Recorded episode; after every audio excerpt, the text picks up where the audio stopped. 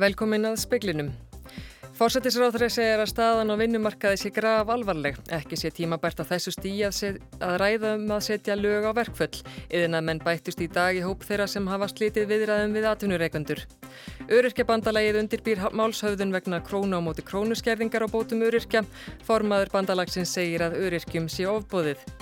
Amma bar sem nýlega var greint með bannvænan sjúkdóm segir hræðilegt að hugsa til þess að kæftasögur um sölu brjóstamjölkur til kraftliftingamanna komi í veg fyrir að konur vilja gefa barninu brjóstamjölk. Hún gaggrínir fréttaflutning af málinu harlega.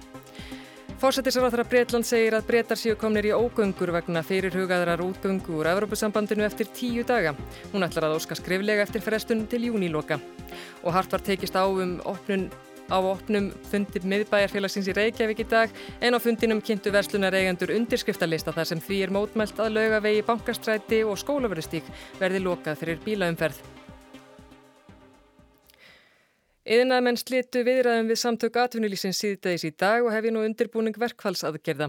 Katrín Jakobsdóttir fórsættisráð þar að segir að staðan á vinnumarkaði sé graf alvarleg. Ekki sé þó tíma bært á þessu stíi að ræða um að setja lög á verkfull. Já, stjórnvöld hafa þetta þegar kynnt ímsar tilur til þess að greiða fyrir kærasamningum og óformlega samtölu hafa haldið áfram við fulltrúa heldarsamtakana. Þannig að við höldum þeim samtölum að sjálfsögða áfram en ágreiningur er núna, hann þarf auðvitað að leysa við samningaborðið. En uh, nú verðist allt alltaf loga í verkvöldum ef að þau af þeim verður í apríl og núna bara í lókvíkunar. Er þetta ekki áhugjefni? Auðvitað hef ég áhugjur að þessari stöðumála og ég held við höfum öll áhyggjur af henni. Það er vilji allra aðila, bæði verkalýsreifingar og atvinnureikend að finna farsala lausn og kjærasamningum og stjórnvöld hafa þegar uh, kynnt ímsa tilur til þess að við getum lagt okkar á mörgum til að greiða fyrir því að lausn finnist en ég veit það að það er auðvitað vilji allra að finna farsala lausn. Kemur þú greina að setja lög á verkvælsaðgjörðir? Já, nú eru verkvælsaðgjörðir varla hafnar þannig að mér finnst þessi umræða nú alls ekki tímabær en ég sé ekkert slíkt fyrir mér á þessu stíði. Þetta var Katrín Jakobsdóttir, Holmfríður daginni Friðjónsdóttir talaði við hana. Þurriður Harpa Sigurðardóttir formaður öryrkjabandalagsin segir að verið sé að undirbúa málshöfðun á hendur ríkinu vegna krónu á móti krónuskerðingar á bótum öryrkja. Hún segir að öryrkjum sjófbóðið. Öryrkjabandalagi stóð fyrir málþingi í dagum jöfnuð og réttlæti. Þurriður segir að í mörg ár hafi öryrkjabandalagi bent á að örorku lífeyri dugi fólki ekki og að öryrkjar hafi dreyist aftur úr. Kjara gliðnun frá 1993 sé yfir 60% og skattar hafi stór aukist á þá sem hafi lægstar tekjur. Okkur reyla orðið daldið ofbóðið að, að hérna, það skulle ekki með nokkur nátu verið hægt að fá ná fram einhverju hækkun á uh, örugulífurinn. Ekki síst í ljósi þess að allt hafi hækkað mikið og húsnæðismarkaðurinn verið mjög erfiður. Bandalegið hafi lagt mikla orku í að reyna að fá stjórnvöld til að taka krónu á móti krónuskerðinguna út. Ég við náttúrulega erum, erum farin að stað með e, domsmál, erum að taka stefnum þar, komum með, með kandidat sem að passar í, í í þetta mál og, og, hérna, og ég hef það næstu skrið verið bara að reyna að fara með þetta áfram. Vinnuhópur í velferðaráðuneytinu endur skoðar nú almannatryggingu kerfið og hafa stjórnvöld viljað býða eftir þeirri vinnu áður en tekið verði á skerðingunni. Við höfum ítrekkað og alltaf bent á að það er engin ástæða til þess að hengja það saman að taka út krónum til krónuskerðinguna og einhver eitt tíman verði einhverja einhver breytingar gerður á, á almannatryggingarkerfinu. Þetta er raun og verið okkur auðum bara verið að draga það að taka þetta út. Þetta var þurriður Harpa Sigurðardóttir, Bergljótt Baldursdóttir talaði við hana. Mikil umræða hefur verið í dag um brjóstamjölkur söpnun á Facebook fyrir döðvona barn sem talið var að væri í raun til að selja kraftliftingamönnum. Umræðan vaknaði þegar byðila var til mæðra í svo kalluðu mömmuhópum á Facebook. Þar var óskað eftir brjóstamjölk handa drengfættum í november sem væri að berjast fyrir lífi sínu. Barnið sem umræðir er greint með krabbesjúkdómin sem er arfgengur taugarsjúkdómur. Almennt fær einn af hverjum 2 til 300 þúsundum þennan sjúkdóm. Börn með þennan sjúkdóm ná oftast ekki tveggja ára aldri. Hrefna Yngvarstóttir Amma Bassin segir umræðu um svík hafa verið hræðilega. Brjóstamjölkin hafi hjálpað drengnum mikið. Hún gaggrínir fréttaflutning af málinu. Og við sjáum náttúrulega bara að hann, hann þrýfst, skilur. Hann líður betur, hann er að þingjast, hann er að dapna. Hann er ekki stöðugt í ykkur vanlega með uppkvöst og, og, og, og ónótt sko. Þannig að fyrir okkur er það alltaf stóra máli að hann líði vel á meðan hann er hérna meðal okkar. Þegar einasti drópi hefur farið til þessara bands og það er ekki einn drópi misnótaður hér. Það er alveg á hreinu. Þannig að bara skipta okkur öllu máli. Og bara, þú veist, við, eins og ég segi, ég, ég bara tók við fyrstu bókan og grátandi sko. Og hérna, þetta var bara Ég segi, við, við sjáum svo mikið mun á hann og þetta skiptir okkur bara öllu máli. Ég veit ekki alveg hvernig ég horfa það, bara dýrmættar heldur en allt.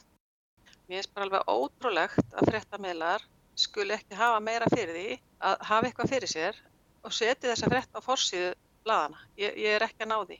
Að því það er eiginlega, e, það er ekki, þú veist þetta vittlust frá A til Ö. Saði Hrefna Yngvarstóttir nánar verður fjallaði um málið í kvöldfrítum sjónvarps. Theresa May, fórsættisráþara Breitland, segir að brettar síu komnir í ógöngur vegna fyrirhugaðrar útgöngu úr á Evrópusambandinu eftir að fórsætti þingsins neitað að taka brexit-samningin til atkvaðagreðslu á ný. Hún ætlar að óska eftir því að útgöngunni verði frestað til 30. júni. Brexit komst í uppnám enn einu sinni í gerð þegar fórseti breska þingsins neitaði að taka útgöngusamning Theresa May við Evrópusambandið til atkvaðagreðslu í þriðja sinn. Hann sagði að þingsköp heimiluð ekki atkvæðagreðslu þar sem tilstæðið að leggja samningin fram svo til óbreyttan frá því að atkvæði um hann voru síðast greitt.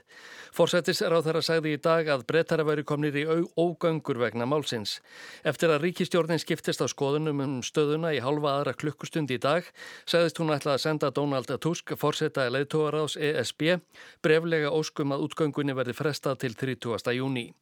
Óvist er hvernig tekið verður í þá ósk á leðtógafundi sambandsins sem hefsta tveimur dögum liðnum.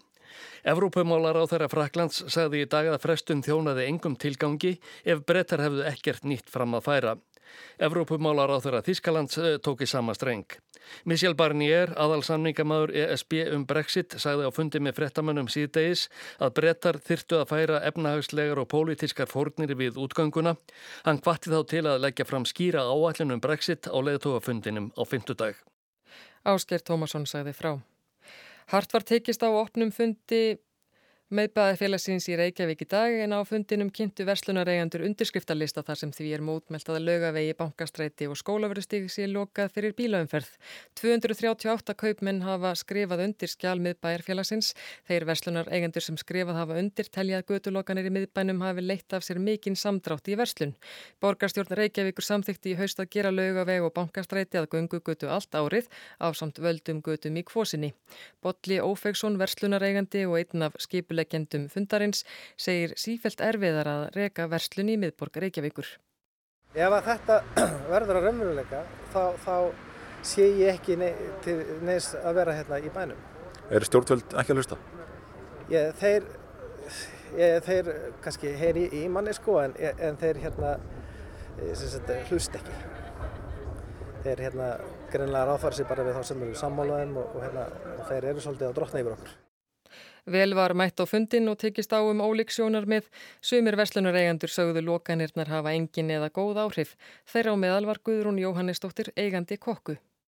En máli er bara að rekstrarumfæri í verslun er að breyta skriðalega hratt. Það er bara allt öðru seldur en það var fyrir 20 ára síðan. Það tala ekki um 40-50 ára síðan. Og þetta er bara stöður í tróun. Ég held að maður þurfi bara að vikja sér aðtikla og annan hátt heldur en að tala um hvað sé umulegt sagði Guðrún Jóhannesdóttir, Yngvar Þór Björnsson talaði við hana.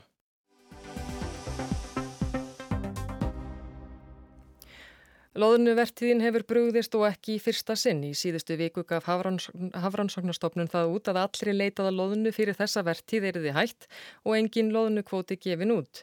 Þorstein Sigursson, sviðistjóri hjá stofnuninni, segir að loðnunar hafi sennilega aldrei verið leitað jafn gaumgæfilega og nú. Loðunan er annar mikilvægasti nýtjastofn okkar og efnagslegu áhrif loðnuprestsins því veruleg. En það er ekki nóg með það. Loðunan er líka ein mikilvægasta fæða aðal nýtjastofs Íslendinga, Þorsksins, sem og gráluðu, ufsa og fleiri tegunda. Veiðreglan sem stuðst er við til ákvörðunar á umfangi veiðana hveður á um að skilin séu eftir 400.000 tonn af kynþróska loðnu á ári hverju. Mat hafrannsóknarstofnunar eftir sex rannsóknar leiðangra í desember, janúar og februar var að stopn kynþróska loðnu í sjónum við Ísland telt einungis 214 til 240.000 tonn. Það var lengibundin von við að fyrstu mælingar gefu ranga mynd að loðnan skilaði sér eins og áður hefur gerst. Vísindamenn sögðu ekki alla nótt úti að hún leindist kannski undir hafís breyðu fyrir norðan land, tal tógara sjómana um loðnu við húnaflóavakti vonir en allt kom fyrir ekki, ekkert breyttust mælingarnar. Síðasta hálmstráið að hún gengin á miðin úr vestri brást svo líka. En eru vísindamenn Havró öruglega búinur að leita af sér allan grunn? Eh, það má segja að við höfum gert það sem við höfum getað gert. Eh, það er aldrei hægt að segja með 100% vissu að, að, að við höfum ekki fundið allt sem, að, sem er, er til staðar. En staðrendin er eins og svo að við erum búin að vera með yfir 110 daga á sjó við leit og mælingar og aldrei í sögu loðnu mælinga eða loðnu veiða hefur við líka vöktun átt sér stað. Þannig að, að mér finnst ákvæmlega ólíklegt að eitthvað, eitthvað það sem hefði einhver veruleg áhrif á þessar nýðustöfu hafi farið fram hjá okkur. Því miður þá, þá held ég allar, allt sem við sjáum núna er í raun og í samræmi við það. Svo loðuna sem við verum að fylgjast með á vestfjörðamiðum við verum að fá frétt, við fáum fréttinnar mörgur sinnum á dag það sem við erum að sjá núna þessa dagana það komin, komin fram með miðjan mars þá er hún aðhrigna eða búin að hrigna og, og, það, og svo lána sem við hefum verið að sjá síni úr síðustu daga er öll á þeim, með þeim hætti. Um, það sem við höfum eins og þú sagðir hort svolítið til vestangöngu. Það er loðna sem að hefur gegnum tíðina komið óreglulega inn, hún kemur setna og, og þá með minni þroska og við getum greint hana frá. Og það er enga vísbendingar í þessu sem við höfum verið að sjá síðustu, síðustu dagar að það sé að gerast núna því miður. Lóðna hefur verið veitt samfleitt frá árinu 1963 en ekki alltaf með vilirði frá Hafrannsóknarstofnun. Staðan sem nú er komin upp er því ekki alveg fordæma laus. Árið 2009 var stofnin þannig það rýr að stofnin gati ekki mælt með veiðum. Ráð þeirra brást við með því að gefa út 15.000 tonna rannsóknarkvóta. Það er af sem áður var. Það var orðið miklar breytingar á meðal loðnuabla. Síðastleginn fimm ár hefur veðst um þriðjungur af því sem vittist að meðaltali frá árun 1980 til 2000. Loðnan hefur í auknum mæli fært sig af Íslandsmiðum í kaldari sjó á Grænlandsmiðum en Þorstitt segir að loðnan þurfi enn að koma hinga til hrigningar. Hún hrigni á litlu dýpi þar sem er sandbótn og þær aðstæðu sér ekki til við Grænland. En tengist breytt gengt loðnunar lofslagsbreytingum. Já, það er voða erfitt að, að, að tengja það ekki þeim, þeim breytingum. Við sjáum þegar hlínunin uh, á sér stað, hérna rétt fyrir aldamótin, þá förum við að sjá íspendingar um að lána færi sér vestar, uh, var fra, að leiki framann af inn í okkar lögsu en, en hvarf svo, ég má segja, stóru hluta til inn í, inn í þá grænlensku. Og uh, síðan þá hefur, hefur hún verið meir og minna dreifð við Östur Grænland og við mælum hana þar að haustin auðvitað kemur hún hingað inn til, til hrigningar uh, en það gerist með öðrum hætt en var áður. Það er svona meiri, meiri slattar ef svo má segja í staðins að vera ein, alvöru göngur með einhverju magni. Það er bæði minna og, og hegða sem er svolítið öðrum, öðrum hætti. Þannig að allt þetta gerir, gerir allar okkar rannsóknir mjög svona erfiðar og, og kannski tíma frekar heldur en var. Lónustofnin er ekki hrunin, Þorstedt segir mikilvægt að halda því til haga. Okkar hlutverk er að tryggja að hrigninga í sér stað og það er ennþá þannig að það er, er hrigningastofnin er til staðar þannig að það er vonandi ekki hætta á, á, á allserja hruni en hann er það lítill að það er, ekki, það er ekkit aflögu fyrir okkur mennin að taka. Hvort hún fari með, með línun, línun framtíðarinnar, það er nú allt eins vist að, að það eigi sér stað einhver kólunum hér, þetta er, þetta er ekki bara þessi nattræna línun, við erum á svæði sem eru líka með mikla náttúrulegar sveiflur eh, í, í, í hittasti þannig að það, er alltaf eins víst að það fari, fari, fari kólnandi þó að alltaf verða einhver áhrif þessar loftlagsbreytinga ofan á það en, en þau áhrif kannski á okkar breytagráðu eh, eru hugsanlega minni heldur en, heldur en, heldur en þessar náttúrulegu sveiflur í hittafarinu. Og ekkert vita um súrnun, áhrif súrnunar og lónuna? Nei, það er, það er ekki vita með áhrif súrnunar það er alveg óþægt stærð. Loðnan ein og sér skiptir máli hefur síðastliðin ár verið annar mikilvægasti nýtjastofnin en hún tengist líka öðrum nýtjastofnum er einn mikilvægast að fæða þess stærsta, þorsksins, sem og grálúðu, ufsa og fleiri tegunda. Rannsóknir hafa einhverjum beinsta nýtjastofnunum en ekki vistkerfinu og floknum tengslum innan þess. Gæti brottkvar loðnunar eða rýr loðnustofn haft neikvæð áhrif á þessa nýtjastofna? Þetta getur það haft áhrif. Og við hefum ekki, ekki séð merkjanlega áhrif á meðalþyngdi í, í þessum, þessum nýtjastofnum en það segir sér sjálft að ef að fæðuframbúðið er lítið þá hefur, eða af þessari tegund sem er kannski mikilvægast að fæðan á veitunar, þá hefur það auðvitað áhrif til lengri tíma.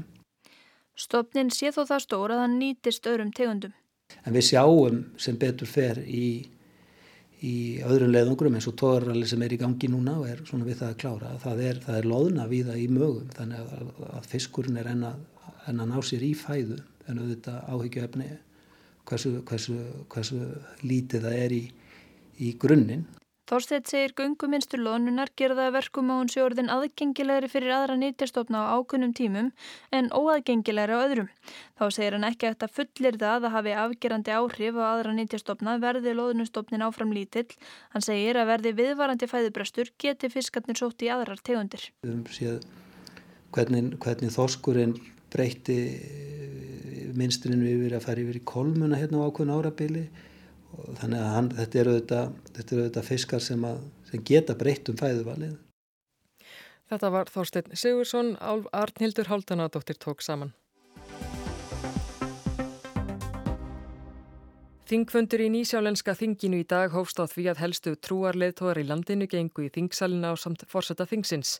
Þingfundur hófst síðan á bæn sem muslimaklerkur flutti en þetta var í fyrsta sinn sem einhver annar en þingmaður fer með bæn í ræðustóla þinginu. Gerð var undantekning vegna hriðjuverkana í Christchurch á föstudaginn var. Jacinda Ardern, forsætisráþara nýja sjálands, hóf ræður sína í þinginu í dag á þekktri kveðju að hætti muslima, fríður sem með þér. Assalamu alaikum. Peace be upon you and peace be upon all of us. Hún sagði að 15. mars er við hér eftir greiftur í sameinlegt minni þjóðarinnar. Síðdeis á rólegum förstudegi er uttist maðurinn í hús þar sem fólk baðst fyrir og myrti 50 þeirra. Þessi friðsæli förstudagur er orðin eitt myrkasti dagur í sögu þjóðarinnar, sagði Arndarinn. Hriðiverkamæðurinn hefði með voðaverkinu sóst eftir því að verða allræmdur en honum verði ekki að ósksinni fái hún ráðið. Hún eigi aldrei eftir að nefna hann með nafni. He is a terrorist. He is a criminal. He is an extremist. But he will, when I speak, be nameless. Ardern segir að ódæðismadurinn verði dæmdur fyrir glæpi sína lögum samkvæmt. Hún sagði að sagan síndi í öðrum löndum þar sem hriðjuverkaváin væri þekktari að gera mætti ráð fyrir aukinni spennu vikurnar og eftir og því sé nöðsynlegt að halda áfram að vera vakandi. Endur skoðun bissulögjaværinar væri hluti af því verkefni að tryggja öryggi nýsjálendinga. Bissulögjöfinni verði breytt. Part of ensuring the safety of New Zealanders must include a frank examination of our gun laws. Ríkistjórn landsins hafi í gerð tekið ákverðunum grundvallar breytingar aðeins 72 klukkustundum eftir hriðiverka ára sinna. Greint verði frá þeim breytingum áður en þingið kemur aftur saman á mánudag. Talið er að breytingarnar feli í sér bann við hálfsjálfverkum vopnum og hertari reglur um leiði fyrir nótkun skotvopna. Ardarn hefur gefið í skínað breytingarnar fáið skjóta afgreðslu í þinginu.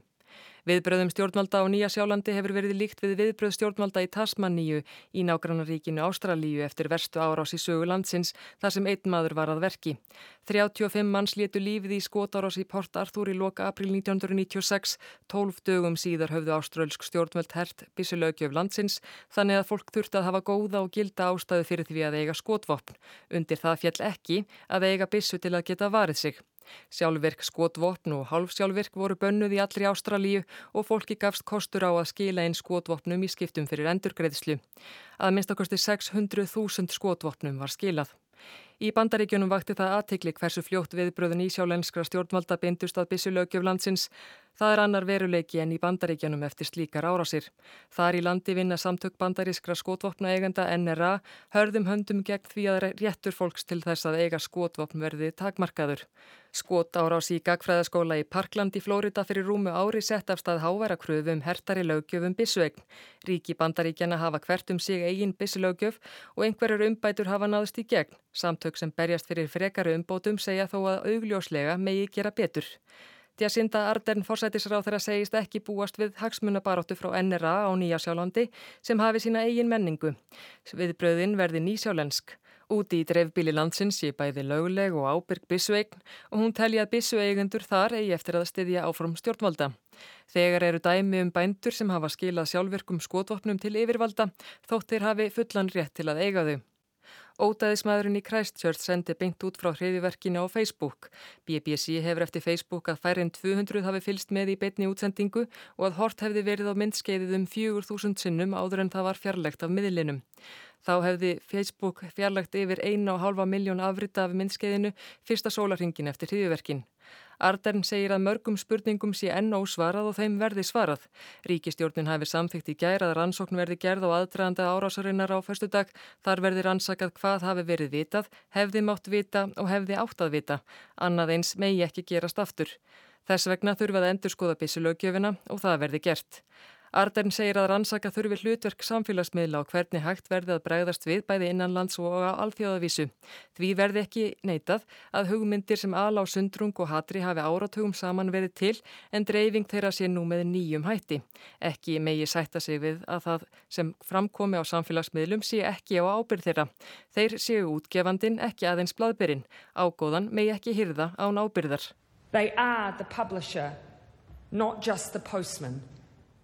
There cannot be a case of all profit, no responsibility. Ardern verður í Christchurch á morgun. Leðtóar múslima hafa rósað henni fyrir að vera saminandi afl sem láti fólki líða eins og Nýja Sjáland sé og verði ávalt heimili þess. Ardern segir að á Nýja Sjálandi búi fólk af 200 þjóðarbrótum sem tali 160 tungumál og þar séu dyrnar opnaðar fyrir fólki og það bóðið velkomið. Það eina sem þurfa að breytast núna sé að loka dýránum á þá sem hvetja til haturs og óta. Ardern segir að þótt hriðiverkamæðurinn sem framdi óteðin í Christchurch er útlendingur þýði það ekki að hann eigi ekki skoðanabræður og sýstur í landinu. Hún veiti þó að þjóðin vilji veita samfélagi muslima huggun á erfiðum tímum og geri það. Á förstu dag viku eftir árásinna eigi muslimar eftir að sapnast saman aftur til bæna. Viður kennum sorg þeirra á stiðjum þá segir Ardern, við erum eitt, þau eru við. Let's support them as they gather again for worship. We are one. They are us. Tato, tato. Skemti ferðarskipum sem sigla á norðurslóðum hefur fjölgað mjög mikið á undanförnum árum. Þó að ekki séu mikla líkur á slísum er nöðsynlegt að hægt sé að bregðast við ef slís verður. Á næsta ári stendur landhelgiskeslan fyrir æfingu sem beinist að björgun og leit og einnig við bröðum við mengunarslisi. Skipaumferð hefur aukist mikið samfara hlínun jarðar og bránar ísa á norðukveli þó að nokkuð sé að svo kvöldu norðvesturleið og einni norðausturleið millir Atlasafs og Kirrahafs verði opinn fyrir almenna skipaumferð hefur skemmtiverðarskipum fjölga mjög hratt á þessum slóðum. Spáði er að 2022 verður ösklega 100 skemmtiverðarskip í reglum siglingum um norðurslóðir. Sífældi fleiri skip eru sérsmiðu til að kljást við ísin og þau færa sig stöðugt norðar á bógin. Við þetta bæti það fiskveðiflótin er líka að færa sig í norður átt. Landhelgiskestan og sambarlega stopnanir óttast nú mest stórslis vegna fjölgunar skemmtiverðarskipa. Líkunar eru ekki miklar en, en afleggingarnar getur miklar ef að slík slísirðu. Segir auður Kristinsson verkefnastjóri aðgera sviðsjá landhelgiskeslu Íslands ef slís verður eru mikla líkur á það verði fjarrri byggðu bóli og því um langan veg að fara fyrir björgunarsveitir. Auðin segir að öllu ríki á norðurslóðum sé að byggja upp viðbúnað og það kalli á samstarf. En það er alveg ljóst að ekkert okkar getur unnið að svona málum eða leist svona mál eitt úr, eitt úr sér og einn. Þannig að við erum að auka samstarf okkar á milli til að geta kalla til nákvæmna þjóður okkar. Þannig erum við að skipilegi verklæð, hvernig við ætlum að vinna saman, fjarskipti og, og samskipti, hvernig við bóðum hvort annað og, og um það snýst samstarfið, að hérna, slípa okkur saman. Þannig að þegar eitthvað kemur upp fyrir, að þá getum við unnið eins og einn smörð vél. Aðtekli margra beinist að því hvernig eigi og hvernig mögulegt er að breyðast við slísum langt norður í hafi, slísum sem geta haft í för með sér bæði mannskaða og mengun. Í lók janúar var verkefnu ARCSAR, Arctic Security and Emergency Preparedness, formlega hleyft á stokkonum. Európusambandi styrkir verkefni um tæpar 500 miljónur íslenskara króna að því standa 13 ríki og að auki átta stopnanir og háskólar. Yfirstjórn þessir í höndum aðal björgunar miðstöðarinnar í norðun Voregi, landelgiskjæstan tekur þátt í verkefninu sem miðast meðal annars að því að leitað veiklegum í núverandi björgunar kerfi eða kerfum, haldnar verða æfingar og rástefnur, en eru björgunar miðstöðar á norðurslóðum í stakkbúnar að sinna stórslisum. Auðun segir að raun sé björgunarkerfið nokkuð gott. Staðrindmálsinn er svo að það eru gríðarlega vegalendir og þetta er erfitt uh, svæði veðufarslega. Þannig að við erum alltaf að tala um langan tíma og það er eins og ég sagði á það, það er engin þjóð sem getur búið upp viðbúin alltaf eiga við svona málegin, þannig að þetta snýst allt um það að styrkja samstarfið og fá hérna, aðstóð hjá nákvæmlega Þetta getur alltaf tekið 2-3-4 daga eins og okkar svæði að fá aðstóð erlendis frá. Þannig að það er þetta sem við þurfum að byggja upp, þannig að þegar einhvað kjöfum fyrir þá séu við tilbúin. Það er engin, það er enga stórkostlega breytingar á þessu svæði, það er sagt, megin breytingin sem er orðið síðast, síðastliðin ár er svo að það umferð skemmti var að skipa að raukast. Spátumar um siglingar yfir norðurskauti, norðaustulegin og svo framvegis, þær hafa ekki gengið eftir nema mjög litlu leiti þannig að megin breytingin er í þessum skemmti var að skipa komum. Landhelgiskeslan tekur líka þátt í samstarfi strandi gæstna Norðurslóðaríkjana áttan, Noregs, Svíþjóðar, Finnlands, Rúslands, Bandaríkjana, Kanada, Danmörkur vegna Grænlands og loks Íslands. Um leið og Ísland tekur að sér formensku í Norður skautsráðunum á þessu ári tekur Landhelgiskeslan að sér formensku í samstarfi Landhelgiskesla Arctic Coast Guard Forum og samhliða formenskunni þá munum við halda eina stóra björgunæfingu hérna á Íslandi og minni vinnustofur og, og ráðstefnur. Núna þegar við tökum yfir formenskuna þá munum við taka þátt í æfingu í Finnlandi sem að snýra björgun uh, farþegar frá skemmtifæraskipi. Við sendum flugvelin okkar í, það, í þá æfingu. Þannig að næstu tvö ár verður fókusun okkar mikið á norðurslóðamál og, og þetta samstarf og að slýpa þetta til, þetta samstarf þessara ríkja. Ráðgert er að æfingin hér beinist að leit og björgun og hugsanlega líka viðbröðum vegna mengunarslis. Æfingin stendur yfir í eina viku. Í april verður enn til vinnustofu hér á landi með útgerðum skemmtifræðskipana og þetta er í fjórðasinn sem slíkur fundur er haldinn. Ég voru að segja að síðan við fórum að kynnast getu skemmtifræðskipa útgerðana á þessar skipa þá hérna erum við róleri yfir því sem að koma skal, við sjáum að þau eru vel búin, þau eru vel þjálfaða mannskap og hérna þannig að þetta er tildurlega örugt en slýsing hérna gera gerst, einhvað síður. Vitum við um, hvað þetta hefur aukist mikið? Þetta hefur markvaldast hérna á Íslandi og hérna og við erum með vel og annað hundru skipakomur núna á þessu ári og hérna fyrir 10-15 árum, 20 árum síðan þá var þetta nokkur skipa ári þannig að þetta hefur aukist mikið og spár gera ráð fyrir því að umferð skemmtverðarskip á okkar svæði muni hérna, aukast áfram og það er verið að byggja nýju aflug skip sem eru sérstaklega hönnu til að fara þetta svæði. Þetta var auðun Kristinsson, Arnar Páll Haugsson talaði við hann. Og það var helst í speklinum að fósættisráð þeirra segir að staðan á vinnumarkaði sé alvarleg, ekki sé tímabært á þessu stíi að ræða um að setja lög á verkfull. Yðin að menn bættust í dag í hóp þeirra sem hafa slitið viðræðum við atvinnureikendur. Öryrkjabandalagið undirbýr málshöfðun vegna krónu og móti krónuskerðingar á bótum öryrkja. Formaður bandalagsins segir að öryrkjum sé ofbóðið. Amma bar sem nýlega var greint með bannvænan sjúkdóm segir hræðilegt að hugsa til þess að kæftasögur um sölu brjóstamjölkur til kraftliftingamanna komi í veg fyrir að konur vilji gefa barninu brjóstamjölk. Hún gaggrínir fréttaflutning af málinu harðlega.